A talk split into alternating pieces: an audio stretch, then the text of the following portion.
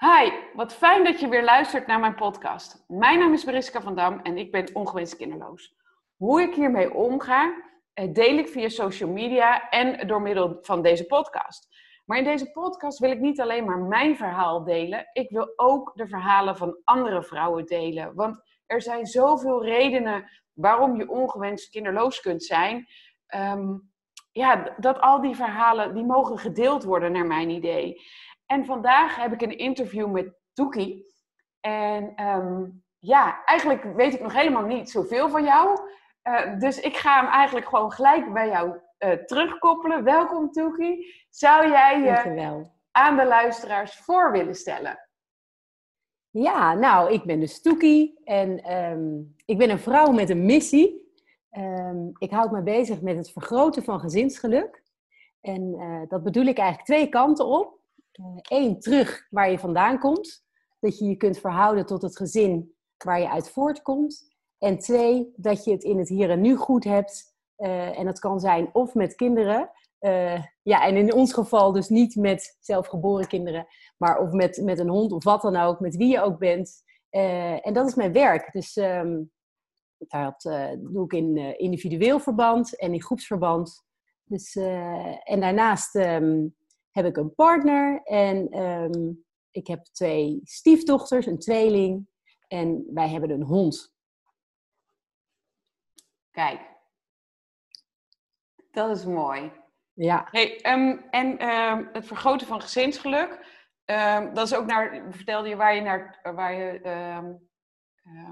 wat je als eerste zei, hè, van waar je vandaan komt.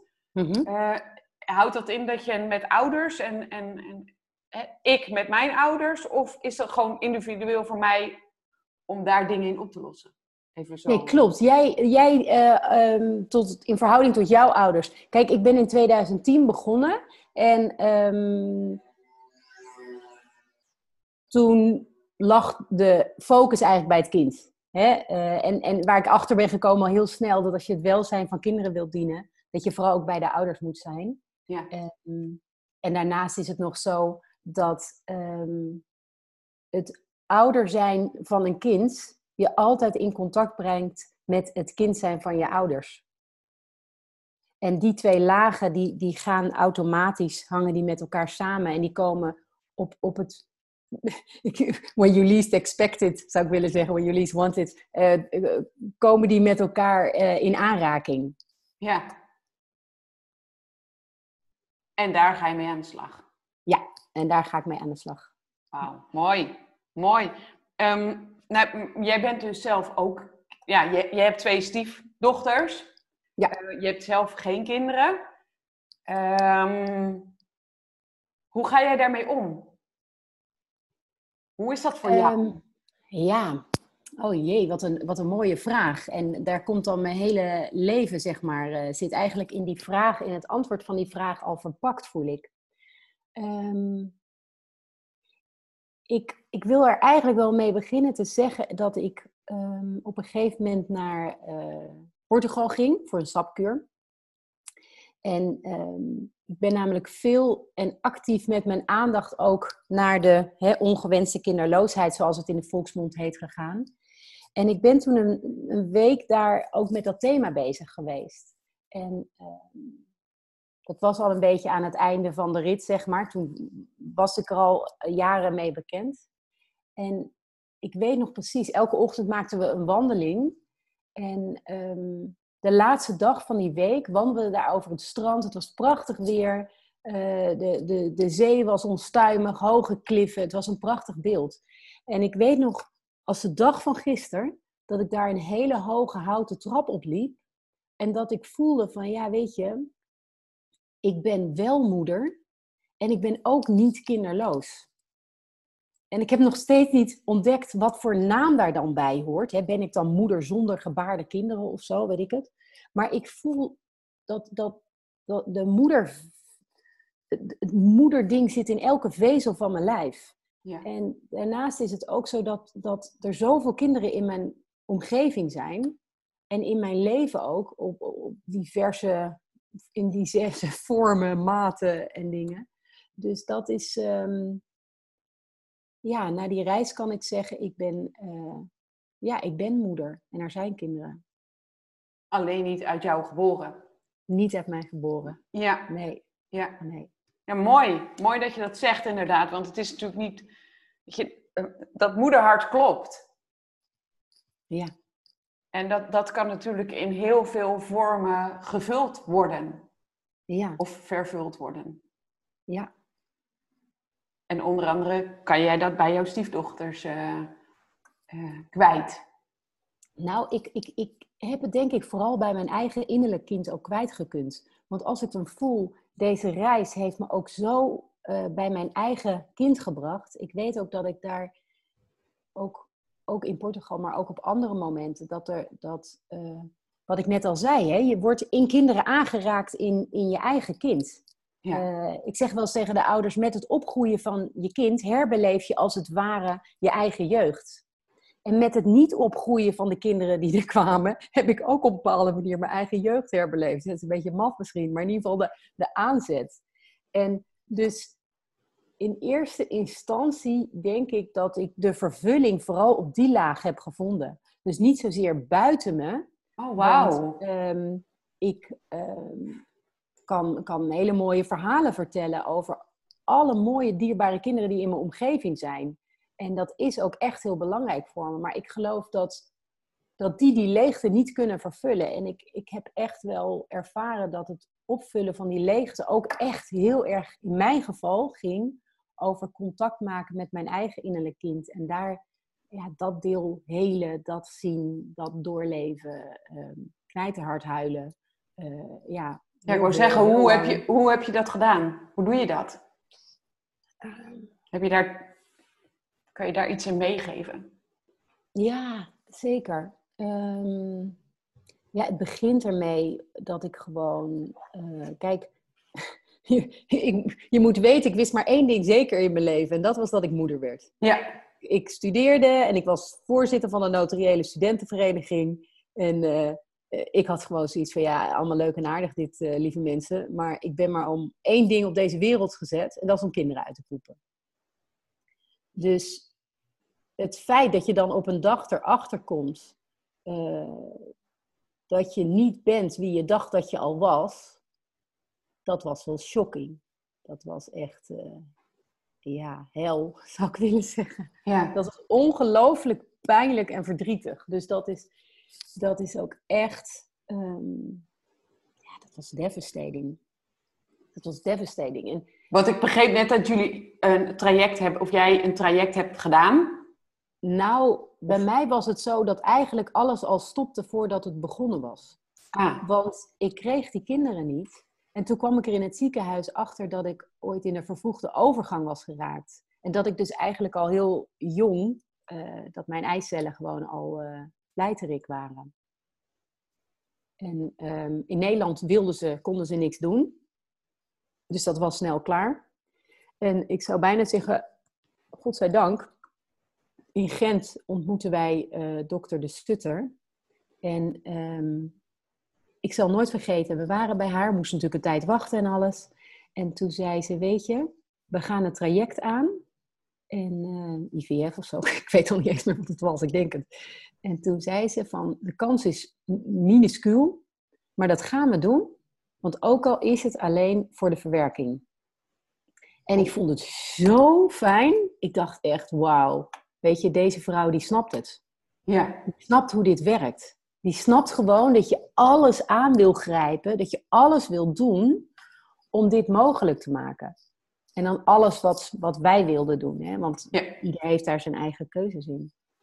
Dus dat vond ik wel heel erg fijn. Um, ja. Maar toen, uh, uh, dat, dat hebben jullie, daar zijn jullie op, op pad gegaan. Maar in, op, we, waren, we waren natuurlijk van, ja, hoe ben je dat innerlijk kind dan gaan, gaan vinden? Hoe, ja, je, je, op een gegeven moment was het dus die rouw. Die, die, ja. ja, het was eigenlijk een rauwe rouw, was het. Ja. Rauwe, rauwe rouw. En um, ja, daar heb ik van alles in gedaan. Ik heb op een gegeven moment, uh, ik geloof, uh, 18 boeken in één keer besteld over kinderloosheid. die heb ik besteld en die lagen op de mat. Dus die, in de dagen werden die afgeleverd. Ja, en dat was gewoon, dat was heerlijk erg. Het was een stuk erkenning. Toen ben ik met mijn blote voeten tussen al die boeken gaan staan. En die foto's heb ik naar mijn vriendinnen gestuurd ook. Dus dat was ook, dus het was, het was, het was rauw, het was huilen, maar het was ook daarmee tevoorschijn komen en dat delen. Ja, en soms natuurlijk ook, uh, ja, gewoon, uh, het leven gaat door. Hè? En de kinderen om je heen, die worden geboren. En uh, ik heb er altijd voor gekozen, ik kon niet anders dan er dwars doorheen. Ja. Eén kraamborrel heb ik uh, overgeslagen. Toen, toen voelde ik me zo rot. En het kind had ook nog een naam die ik al jaren bij me droeg. Oh. En toen heb ik in alle eerlijkheid gezegd: Lieve, lieve schattenvriendin, dit, dit, ik trek het nu niet. Het spijt me. En uh, nou, dat is, dat is allemaal, dat was helemaal oké. Dus ik ben het altijd aangegaan. En dat hele van dat innerlijk kind kwam denk ik pas later. Dat eerst ga je gewoon door alle vertwijfeling heen, door alle. Ja, weet je, ja, wat ik al zei, dat je, dat je niet bent wie je dacht dat je al was. Het is ook een soort identiteitscrisis of zo, denk ik. Ja, zeker. Ja. En op een gegeven moment ben ik ook wel, wat voor mij ook een heel belangrijk moment was, is dat ik, um, ik had zoiets van ja, ik heb nooit beschuit met muisjes geserveerd, geserveerd. Maar ik heb ook nooit die kleffe cake kunnen serveren. Dus, oftewel, er is geen kraamborrel geweest. Maar we hebben ook nooit een begrafenis gehad. Um, want wat wel heel mooi was trouwens, wat ik daarvoor nog graag wil noemen, is dat ik dus in dat traject met alles doen, dat er een aantal mensen, vrouwen, een dierbare vriendin van mij, maar ook een paar meer onbekende vrouwen hun eicellen hebben aangeboden. Ach. En dat was dat, dat uiteindelijk lukte het niet, ging het niet door om verschillende redenen. Maar dat is zo belangrijk voor me geweest, net zoals die dokter de Sutter. Want ergens was het wel van, wij willen jou dat geven of zo. Het was ontzettend fijn dat die vrouwen opstonden en zeiden, weet je, wij gaan dat voor je doen.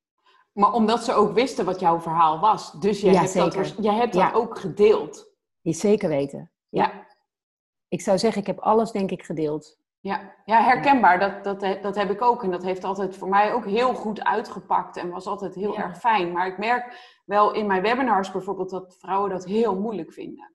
Ja, ja. En um, ja, het lijkt ook of je ontroerd bent inderdaad. Ik zit even te kijken of, uh, ja... Um, nou ja, ik vind het mooi dat, dat de vrouwen dat jou aanbieden, omdat je dus je verhaal deelt, hebben ze dat voor je gedaan.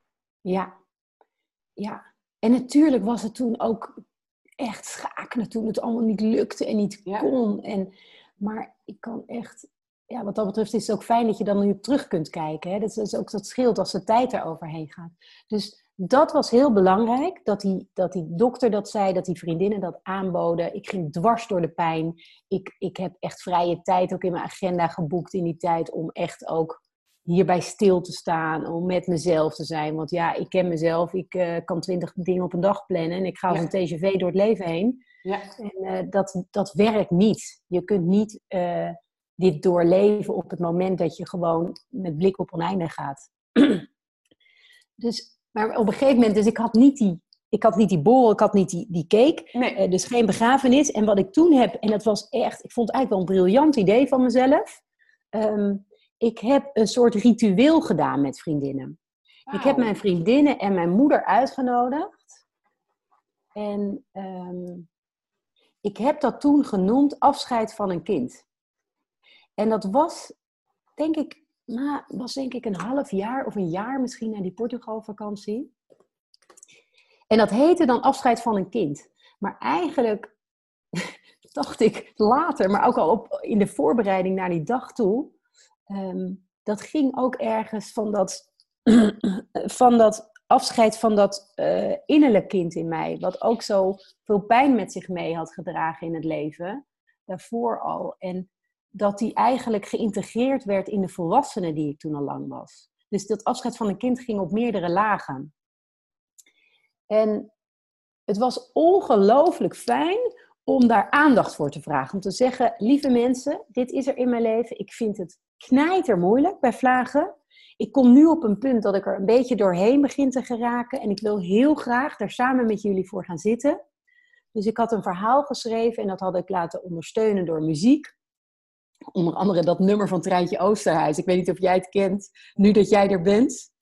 Uh, nee, ik ken hem. Nee. Ga nou ja, ja, daar heb ik heel. Dat had ik altijd dan naar het ziekenhuis daarvoor. En dan had ik dat op. Nu dat jij er bent. Ik denk, nou, hè, nu ben je er dan. Ja. Dus ik had een mooie wishful thinking. Uh, nou ja, onder andere die. Maar ook die van Marco Borsato. Iets met kinderen en zo. En dat er goed. En um, wat, ik, wat fijn was, was het delen daaraan. Maar ook het besef dat ik dacht, ja. Um, dit gaat ook over hoe ik omga met de verliezen in mijn leven. Ik heb me best wel heel erg veel slachtoffer gevoeld aan het begin. En um, toen, um, toen zag ik van ja, maar weet je, dit is, dit is op een psychologische laag, hè, is dit iets anders dan wat vriendinnen meemaken die wel kinderen mee hebben. Maar als je het meer uitzoomt, dan is het een universeel thema dat de huidige situatie en de gewenste situatie niet hand in hand gaan. Ja. En in mijn geval heet dat dat ik geen kinderen heb gebaard. Maar in gevallen van mijn vriendinnen heet het soms dat een ouder jong overleden is. Of dat uh, ze moeten leven met chronische gezondheidsklachten. Of dat hun kinderen iets hebben. Dus daarmee wil ik het niet bagatelliseren, want ze staan naast elkaar. Ja. Dus we zijn en anders en ook gelijk in onze gemissen en verliezen. En dus het was heel fijn om ermee naar buiten te komen, om te delen, maar ook om te realiseren, ja, sowieso hebben we allemaal ook iets. En daarbij komt, ik ben denk ik in die fase ook gaan zien dat het ook voordelen heeft. Daarvoor kon ik daar eigenlijk niet echt bij. Maar toen dacht ik, ja, het is ook eigenlijk wel lekker dat niet dat huis vol met was en eh, shit en rommel ligt. En dat wij af en toe gewoon lekker de kroeg in, in uh, hobbelen met z'n tweeën en een ontzettend leuke avond hebben. En uh, zonder dat, dat de kids, dat we opges opge, weet ik veel, ja. onze aandacht opgeëist wordt door een leven van hectiek en, en dingen. Hoe graag je dat gewild had. Zeker weten. Maar ehm. Ja. Ja, en wat dan ook wel weer bijzonder is, die, die, die dames die hadden ontzettend mooi cadeau voor me gekocht. Die hadden zo'n armband waar je die bedeltjes aan kunt doen. En dan hadden ze allemaal zo'n verhaal met zo'n bedeltje. En uh, toen heb ik nog in de week daarna heb ik het bedeltje gekocht, best mam. Want die durfde natuurlijk niemand te kopen. Maar toen dacht ik, ja, nou ben ik best mam van mijn eigen kind geworden. Want dat voelde echt in die tijd. Daar kwam dat, dat stuk, best mam van mijn eigen kind. En het lachen was dat ik even later met kerst op een gegeven moment van die, van die stiefmeiden, die tweeling, die inmiddels 19 zijn dan, uh, ook zo'n hangertje kreeg. En ze zeiden, ja, je bent ook een beetje onze moeder. En toen dacht ik van, ja, nou is die ketting, nou is die armband eigenlijk niet meer, uh, weet je, nou is die eigenlijk niet meer nodig of zo. En het maffe is, Mariska, hij is nu ook, hij is al twee keer afgevallen. Hij is al twee keer kapot gegaan. Ja, dus van de week weer. En ik laat hem heel graag maken, want hij is heel belangrijk voor me. Maar ik geloof dat ergens het leven ook zegt van, joh, weet je, liefje... Um... Die armband, die heeft zijn tijd gediend. Ja. En die mag nu een mooi plaatsje krijgen in de kast of zo. Ja, ja zoiets. Iets in die ja. geest. Wauw, wat bijzonder. Ja, cool en hè? Ik vind, het, ik vind het echt ontzettend mooi dat je dat ritueel hebt bedacht.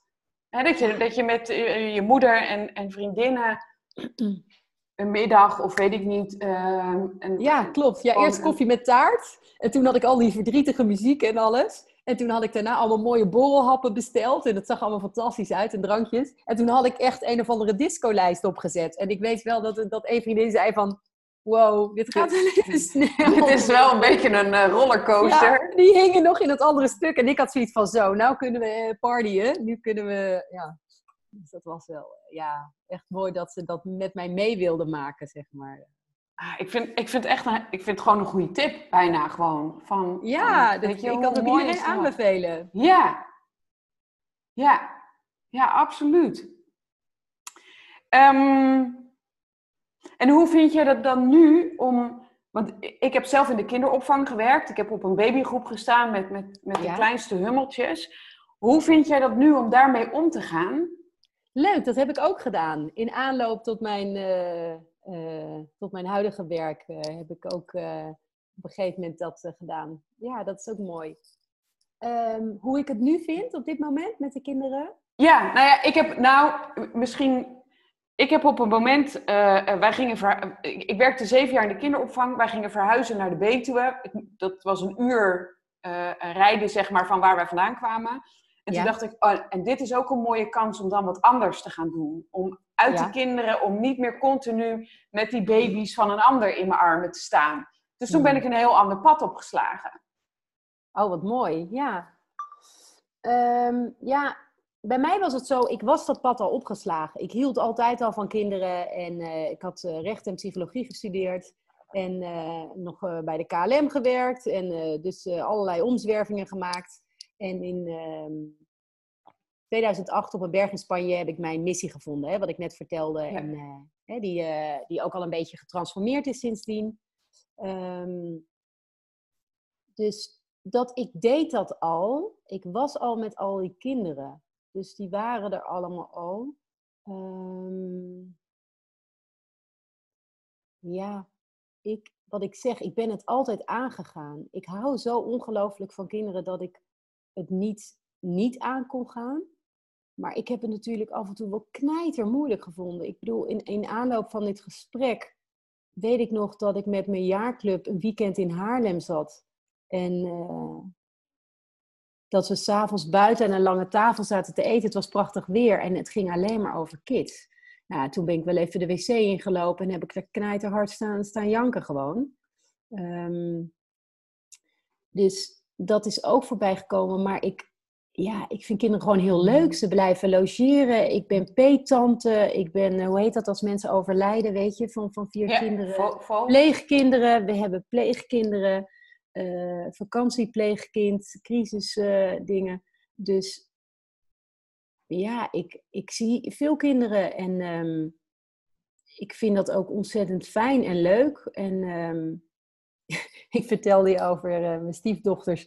Gisteravond was nog wel mooi. Ik had een, uh, een, een boottocht bij volle maan geregeld. Oh, mooi. Dus wij waren gisteren naar de Nieuwkoopse plassen.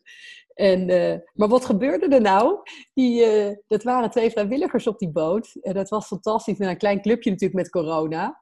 En we zouden daar tot half twaalf op zitten. Maar we waren een beetje verdwaald. Dus op die plassen daar. Dus dat was wat. Nou ja, en op een gegeven moment waren wij aan de buitenkant van die meiden gaan zitten.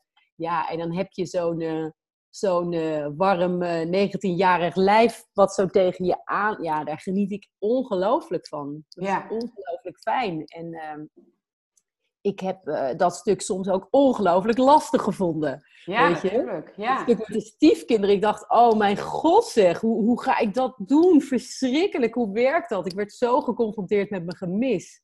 Dus dat is ook, uh, dat is er ook. Ja, dus ehm, het merendeel van de tijd geniet ik ongelooflijk van de kinderen. Ja, en soms dan doet het van, van alle kinderen om me heen. En soms doet het even pijn. En dan... Uh, hè, um, dan mag dat er ook zijn. Ja, we, ik had, we hadden natuurlijk laatst even contact over die nieuwsbrief die ik geschreven had. Ja, ja en, prachtig. Ja, die meiden die waren jarig. En, en dan is er gewoon helemaal niemand in mijn persoonlijke omgeving die, die snapt dat die meiden op de kalender moeten staan. En dat ze dan even moeten ze roepen van Jon Toekie van harte.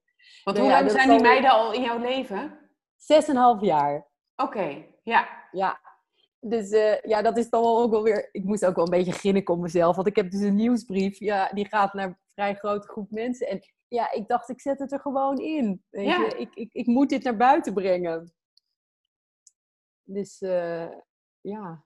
Ja, ja ik, ik, vond hem, uh, ik vond hem heel goed, die nieuwsbrief. Je hebt hem mij gestuurd. En, uh, ja. ja, ik moest echt, echt even met mijn vuist op tafel slaan. En ik had eerder een nieuwsbrief geschreven over de hond. Hè, van nou, als je dan... ik had eigenlijk in plaats van een zachte, een klein harig hondje, een zachte bolle baby moeten krijgen. Maar nu heb ik een hond. Ja, nou is die hond jarig en nou is ook niemand daarmee bezig. Toen dacht ik van ja, dan moet ik even mee naar buiten komen. Ja. Hè, toen, toen, toen had ik nog zo'n devies van lieve uh, ongewenste kinderloze mensen van Nederland, kom naar buiten met je verhaal. Ja. Dat was de eerste brief. Maar de tweede was ook wel een beetje zoiets van, ja, maar potverdikke me, mensen om ons heen, um, denk ook op een bepaalde manier een beetje aan ons. Ja. Um, dat hoe, is, is die, hoe is die opgevangen? Hoe, heb je daar ja, reacties heel op goed, gehad? Heel goed. Ja, ik heb veel reacties op gehad. Ik uh, verheug me op volgend jaar. Ik denk dat, uh, dat op beide dagen uh, alles ontploft. Maar ik vind dat wel, weet je Mariska, ik vind dat nog wel een, een, eh, voor mezelf een balans. Hè? Want waarin ehm, vraag ik iets aan een ander en waarin doe ik iets zelf? Want dat is natuurlijk niet alleen maar zeggen, hé, hey, ik ben kinderloos en jij moet naar mij vragen. Dat slaat nergens op. Nee. Dat is het namelijk niet. Nee. Het is ook tevoorschijn komen met je verhaal. Dus het is soms even zeggen van, hé, hey, dit is belangrijk voor me. Maar soms ook gewoon je tranen even huilen. En denken van, ja, dit is het. Ja, ja herkenbaar. Herkenbaar. Ja, je, je wil niet uh, altijd zielig gevonden worden, maar je wil ook wel eens dat er wel aan gedacht wordt. Ja. En mensen hebben soms geen idee gewoon uh, hoe belangrijk andere dingen dus voor jou zijn. Ja. Of hoe pijnlijk momenten kunnen zijn. Ja, en dat vind ik ook mooi, want daarin is ook wel de, het, uh, de suggestie om daar dus mee tevoorschijn te komen. En in ons geval, nogmaals, heet dat kinderen, maar in iemand anders geval ja. heet het misschien migraine. He, want ik heb geen idee hoe het is om elke dag wakker te worden met hoofdpijn. Nee, en, precies. Um, ik heb van heel veel andere dingen ook nog geen idee. Dus het gaat er wel echt om, kom ermee naar buiten. Kies een aantal mensen met wie je het deelt en um, ja. En vertel je verhaal. Ja. Ja, ik, ik geef ook vaak aan van, um, de, de, mensen zeggen dan, ik vind het zo moeilijk om dat te delen. Maar ik zeg, je wil er toch ook altijd voor een ander zijn? Als een vriendin iets met de kinderen heeft, of met ouders, of dan wil je er voor diegene zijn, dan wil je het verhaal aanhoren, je wil iemand een knuffel geven, je wil... Zij willen dat ook voor jou. Alleen als jij het niet zegt, als jij er niks over vertelt, ja, hoe kunnen ze dan weten wat het met jou doet? Ja, nee, het is, het is denk ik ook een, een, een beetje een natuurlijk proces dat als mensen in de shit zitten, dat ze naar binnen gaan. En ik denk ook dat je, um, dat als je iets hardop zegt, hè, dan is het ook echt waar. Hè? Dus dat het ermee naar buiten komen, daarin zit ook al de ja van dit is dus echt zo. Ja. Ik bedoel, als je mij vijf jaar geleden had gevraagd om dit interview of iets, of ik eh, jou benaderd had, uh, dan, dan had het waarschijnlijk niet plaatsgevonden, omdat ik daar gewoon nog niet aan toe was. Nee, dat snap ik. Um, maar het is wel mooi om mensen aan te sporen om wel één iemand anders in vertrouwen te nemen en het daarmee te delen. Omdat het ook bijdraagt aan de bedding die je nodig hebt om verliezen in je leven te dragen. Ja, ja absoluut. Absoluut. Ja. Even terugkomend op jouw, uh, jouw hondje, want in jouw nieuwsbrief um, las ik, uh, je was totaal geen uh, hondenmens. En sterker nog, je vond ze eng en vooral stinken. ja, dat klopt. En, dat en vind toch... ik nou nog steeds soms. Scooby, je stinkt. Hij slaapt. Ja. Hoe is dat zo gekomen? Ja, dat was, uh, ja, was eigenlijk wel mooi. Um, mijn broer die uh, werd vader uh, met zijn vrouw en die kregen een dochter en hij woont in China. En ik was daar op bezoek en um, zij hebben twee honden. En ik weet, ik kwam terug van die reis en ik had het al eerder tegen mijn vent gezegd van nou ik wil wel een hond. Al even daarvoor ook, want mijn broer was er enthousiast over geweest en een vriendin van mij ook. Die zei ook, joh Toek, je kunt zoveel van je moedergevoelens kwijt in zo'n hond. En um, toen kwam ik terug van die kraamvisite in China en toen zei ik, we krijgen een hond. En um, het grappige was, we hadden um, die zomer, kwam er ook een vakantiepleegkind bij ons uit Duitsland. Toen ben ik gaan googelen op Marktplaats. En toen uh, heb ik ervoor gezorgd dat, of nou heb ik er niet voor gezorgd, want ik, ik heb niet idee ik zoveel invloed op mijn leven heb. Toen heeft het leven voor mij gezorgd dat er op zondag een hond mocht komen. En dat op maandag die, die, die jonge man uit Duitsland kwam. En dat ik dus drie weken fulltime ook vrij had om met mijn aandacht naar deze twee te gaan. En ja, dat moest zo zijn. En, en um, wat ik heel mooi vond, ik had laatst een gesprek met mijn moeder. En um, mijn broer is overleden toen ik net zeven was. En mijn moeder die heeft daarna heel veel in de tuin gewerkt. Die heeft een waanzinnig mooie tuin. En die zei tegen mij, weet je schat, ze zei, de tuin was er al voordat ik hem nodig had. Dus ze had de tuin als wonen er al net, net voordat mijn broer overleed. En dat vind ik, vond ik zo'n mooie opmerking van haar. Want ik dacht van ja, ik weet niet of het nou voor was dat ik hem nodig had. Maar in ieder geval, ja, soms zijn dingen er al voordat je ze nodig hebt. En dat is wel, ehm, ik vind het een fijne gedachte, een mooie gedachte. En uh, ja, ik schreef ook in dat blog dat Scooby eigenlijk, uh, de hond, dus mij het dichtst bij het moederschap brengt. Dat klinkt misschien raar met al die mooie kinderen, maar hij is op dagelijkse basis gewoon bij. Ja. ik bedoel, wat ik zei, ik moet zijn kak opruimen. En uh, hij is iets, iets makkelijker in het onderhoud hè, dan, dan al het andere grut.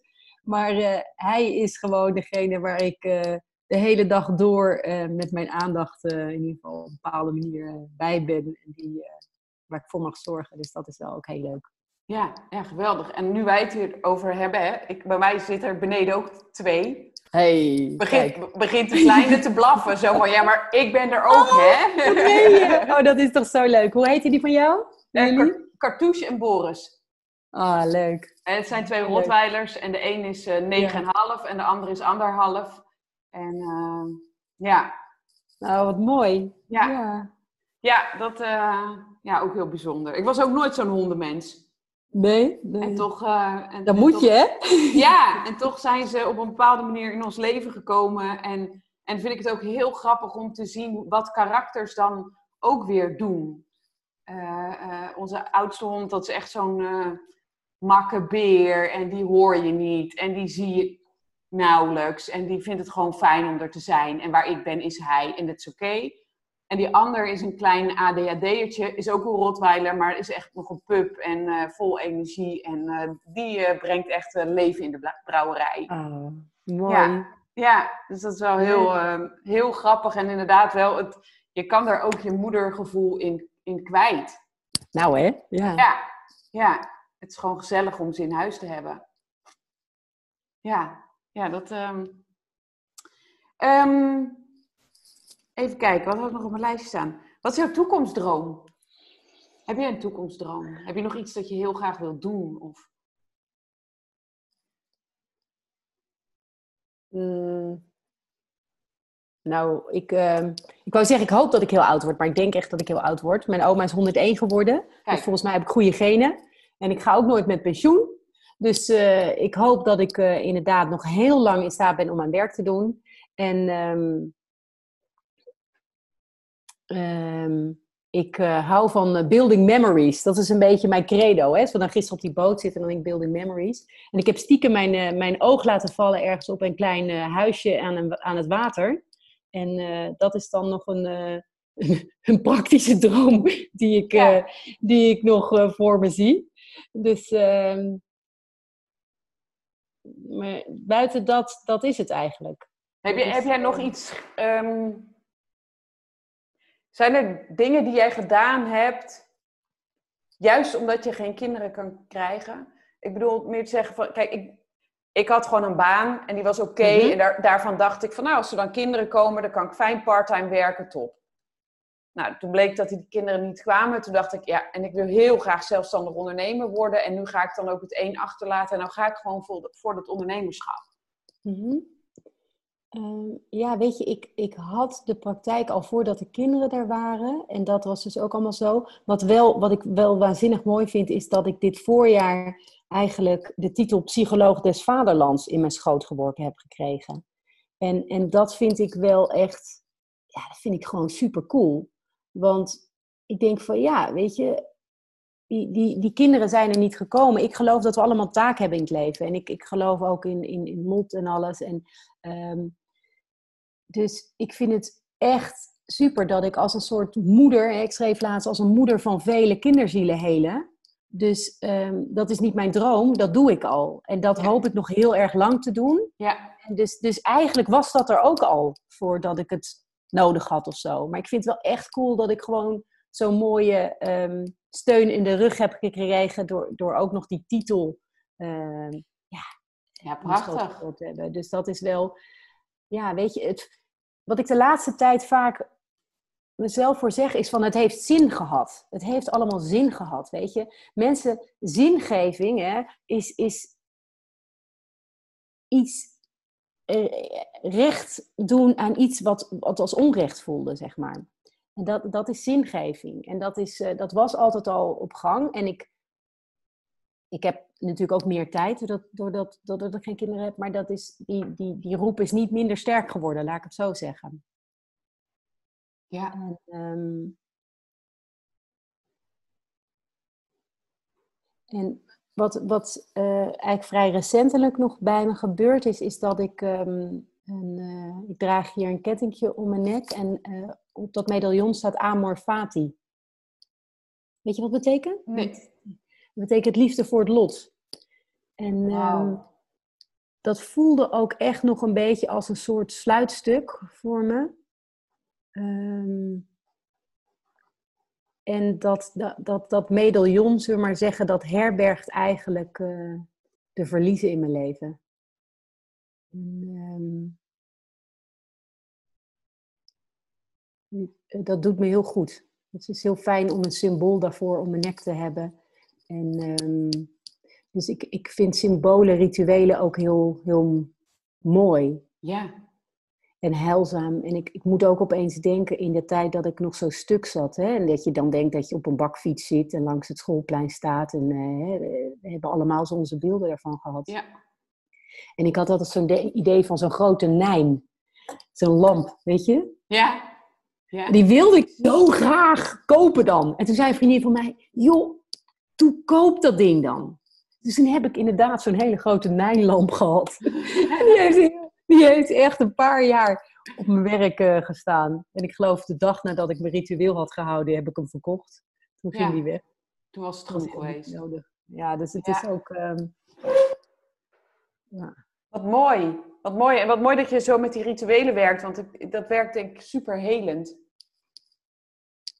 Ja, het is als een souvenir van een vakantie. Hè? Dat, je nog dat je daarnaar kijkt en denkt, oh ja, dat was toen. Ik Ja. heb ook een fotoboekje gemaakt toen van die, van die, eh, van die middag. Ehm, ligt hier naast me. Mooi. Het, eh, Een dierbare herinnering aan een bijzondere dag. ja, zeker. Ja. Met die mooie armband. ja. Die schijnbaar niet meer om wil. Die nu kapot thuis ligt, ja. Ja, ja. Ja, ja, dat is wel heel mooi. Voor mij is het een tatoeage hier op mijn pols. Ja, ik zag het al. Ik wilde er eigenlijk al naar vragen. Wil Ja. misschien zelf zeggen of niet? Ja. Ja, het is een, een hart en een, eh, en een kruis. Ehm, je hebt geloof, hoop en liefde natuurlijk. Mhm. Ehm, de hoop, eh, op, deze is eh, twee jaar geleden geplaatst. Precies op de dag, en dat is, nou ja, toeval, dat ik toen 15 jaar geleden de pil in de prullenbak gooide. Eh, werd ik op die dag, 15 jaar later, uitgenodigd om die tatoeage te laten zetten. Ik had gewoon van, joh, als je tijd hebt, laat het me weten. En precies op die dag stuurde ze een bericht, joh, ik heb tijd, kom maar. Nou, toen dacht ik, hé, hey, dit, is dit is een dag, die datum die komt me bekend voor. En toen ging ik even zoeken en toen bleek dat die dag te zijn. Eh, Wauw, ik daar nooit- hou ik nou zo van, die tekens. Dat zijn echt tekens van boven. Daar hou Ja, ik echt ongelooflijk van. Ja, Ja, ja, En ik zou ook iedereen willen adviseren om daar op de, op de- op, daarvoor open te staan. Want ze zijn er continu. continu. Continu. Dus ik heb eh, geloof en liefde, dat, dat ben ik nooit kwijtgeraakt. Alleen op dat moment die hoop, die, die, was, eh, die wilde ik niet. Die, eh, daar, daar was ik, eh, nog, eh, daar was ik nog, eh, nog niet klaar mee, zeg maar. Dus ehm, ja, en ik ben er super dankbaar voor. Ja, Mooi hè? ja. Ja, draag je ook zo altijd bij je. Kun je elke dag Ja. naar kijken. Elke seconde. ja, en ik zei ook, hij staat eigenlijk verkeerd eh, om. Eigenlijk eh, eh, moeten ze hem andersom zetten. Dat als je pols omlaag is, je hand omlaag is, dan moet je Oh, hem ja. goed zien. En ik zei, nee, nee. Oh, ja, ja. Het, ja, het is mijn tatoeage. Het is mijn, ik wil, als ik gewoon zo zit, dat ik hem goed zie. Dat de Ja, buitenwereld ja, ja. hem op zijn kop ziet, dat zal mijn eh, een, een borst wezen. Het is voor mij een dierbaar iets. En ik wil dat gewoon altijd goed zien. En ik wil niet zo mijn arm ondersteboven, achterstevoren moeten houden om te kunnen zien. Precies, hij is voor jou. Hij is voor mij. En, en daar heeft ze gehoor aan gegeven. Er zijn tatoeëerders die dat niet doen. Die zijn het daar Nou, mee. belachelijk. Ja, omdat dat, omdat dat, is- dat schijnt zo een soort van Oh. regel te zijn of zo. En zij, eh, zij zei, nee hoor, ik doe dat voor jou. Dus, ehm, Nou, Ja. mijn stiefdochters willen misschien een tattoo shop beginnen. Ik zal ze vanavond wel even zeggen dat als er iemand komt en die wil het op de kop, dat ze dat gewoon moeten doen. ja. ja, dus ja, dat is voor mij een uh, dierbare herinnering. Uh, ja. ja. Aan, een, aan, een, aan, een, aan een verdrietige, maar toch ook mooie periode. Ja. Leerzaam.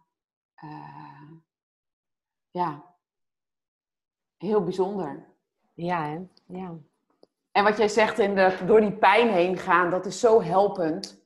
Door, door maar continu van die pijn weg te blijven en in dat kokonnetje te blijven zitten van uh, ja, toch een zekere veiligheid die eigenlijk helemaal niet fijn voelt en hartstikke beknellend is.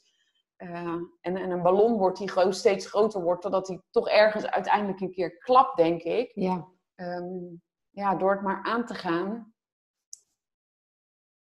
denk ik dat ja, je uiteindelijk uh, heelt. Ja, zeker weten. En ik, het heeft mij ook zo op het spoor gezet dat we er in de psychologie soms gewoon niet uitkomen. Omdat de psychologie heeft hier geen antwoorden voor. He, waarom zijn er vrouwen die zo graag moeder willen worden, die krijgen ze niet. En waarom andere vrouwen die ze wel niet willen, die krijgen ze wel. Dus het heeft mij ook echt geholpen om uit te zoomen. Dat doe ik al met mijn werk, met systemisch werk. Maar om ook, wat ik vertelde, die ervaring in Portugal. Dat ik dacht, ja, dat kind hoeft niet gemanifesteerd te zijn voor mij om mijn moeder te voelen. En dat heeft me ook voor andere verliezen in mijn leven heel erg geholpen om er op die manier naar te kijken. dat gaat zo over het stuk het wateroppervlak. Het is, het is het topje van de ijsberg. Ja. Maar er is ook nog een groot deel wat je niet vast kunt houden. Uh, en wat je niet ziet of zo, maar wat er wel is. Ja. Zonder ook maar enigszins uh, Jomanda zweverig of wat dan ook te zijn. Want ik sta echt wel goed met twee voeten op de grond. Ja. Dat heeft ook uiteindelijk voor mij geleid dat ik dat medaillon kon kopen. Um, omdat ik in die, in, in, in, uh, in, in, ja, als ik daar contact mee maak, dan voel ik dat het klopt. Dat ik klop. En dat dit gewoon de bedoeling is. En, um, en dat dat ja. oké okay is. Ja, precies. Ja, mooi. Mooi. Heb je nog een tip die je mee wilt geven aan de luisteraars? Overval je ermee? Nou, nee. Um, ja, het eerste wat toch met de binnen schiet is volg je hart. En uh, als je je hart niet meer zo goed kunt horen, omdat er zoveel pijn omheen zit, ga dan heel, heel, heel erg actief met die pijn ook aan de slag. En of je nou met borden gaat gooien of uh, je de pleuris huilt. Of, uh, um, maar um, doe wat nodig is ook om je hart te blijven voelen. En, en, je mag het best af en toe even afschermen en doen. Dat is ook helemaal oké. Um. Maar maak er weer een beetje, maak, breng er weer een beetje licht naartoe. Ja, want dat hart dat klopt en dat wil kloppen. En als het niet voor die kinderen klopt, dan klopt het voor iets anders. En ik, ik zeg nog wel eens de laatste tijd, uh, gij zult beloond worden. En, uh, en uh, terwijl ik eigenlijk een beetje uit het goed en fout wil blijven. Maar we zijn ook allemaal mens. Dus het ja. is wel fijn als je weet, weet je, op een dag dan gebeurt er iets.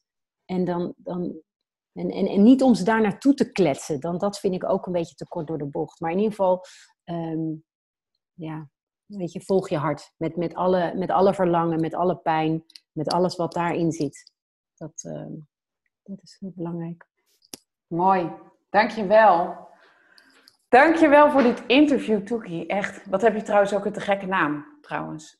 Dat ik ook nog zeggen. Dank je. Echt ja, super mooi. Ja. Ja. ja, en ik wil jou ook graag bedanken, want ik vond het echt ook een eer en ik vond het ook heilzaam en helend om dit te doen.